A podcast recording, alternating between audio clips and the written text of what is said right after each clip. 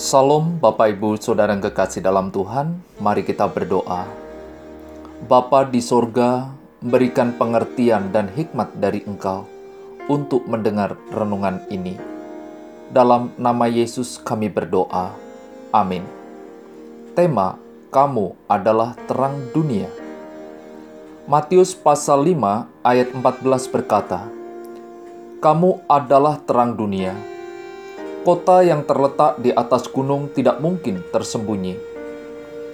Arti kata terang adalah dalam keadaan dapat dilihat, nyata, jelas, cerah, bersinar, bersih, jernih, terbukti kebenarannya, terbukti kesalahannya, cahaya.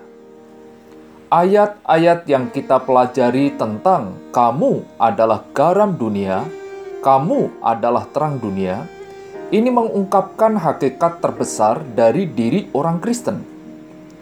Karena Yesus memerintahkan agar orang Kristen menjadi sesuatu yang sebenarnya hakikat Yesus sendiri.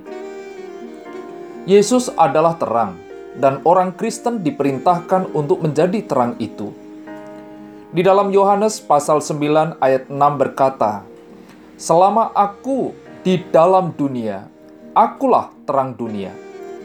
Yesus memerintahkan kamu adalah terang. Ini satu perintah agar para pengikutnya menjadi terang dunia. Para pengikutnya sama dengan diri Yesus sendiri. Apakah yang dimaksud Yesus mengatakan bahwa orang Kristen harus menjadi terang?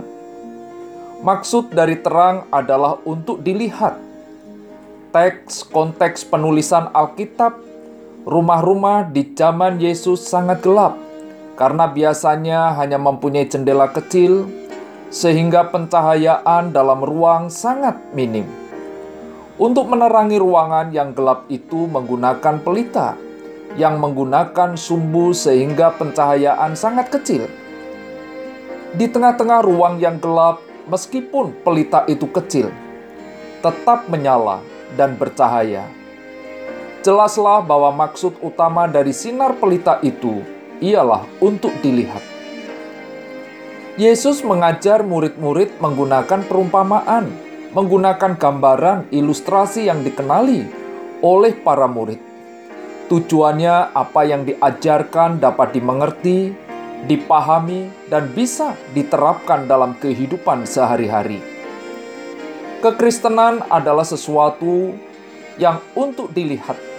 Di dalam kekristenan, tidak ada istilah mengikut Yesus sembunyi-sembunyi. Mengapa? Karena kekristenan yang tersembunyi akan menghancurkan kekristenan itu sendiri. Kekristenan adalah terang. Kekristenan akan menghancurkan ketersembunyiannya itu. Menjadi orang Kristen harus dapat dilihat secara nyata. Kekristenan tidak hanya terlihat di dalam gereja, Kekristenan yang pengaruhnya terasa di dalam gereja kurang maksimal manfaatnya. Kekristenan seharusnya terlihat nyata di dalam kehidupan sehari-hari di dunia ini. Kekristenan nampak dalam keluarga, dalam gereja, pekerjaan, di lingkungan di mana kita tinggal. Bagaimana sikap kita memperlakukan anak buah, sikap terhadap atasan, cara kita bergaul, cara kita mengendarai kendaraan di jalan, cara kita berbicara, dan bacaan yang kita baca, YouTube yang kita lihat. Kamu adalah terang dunia. Bagaimana dengan hidup saudara? Sudahkah menjadi terang? Tuhan menolong. Mari kita berdoa. Bapa di dalam sorga, firman-Mu memerintahkan kepada kami supaya hidup kami menjadi terang.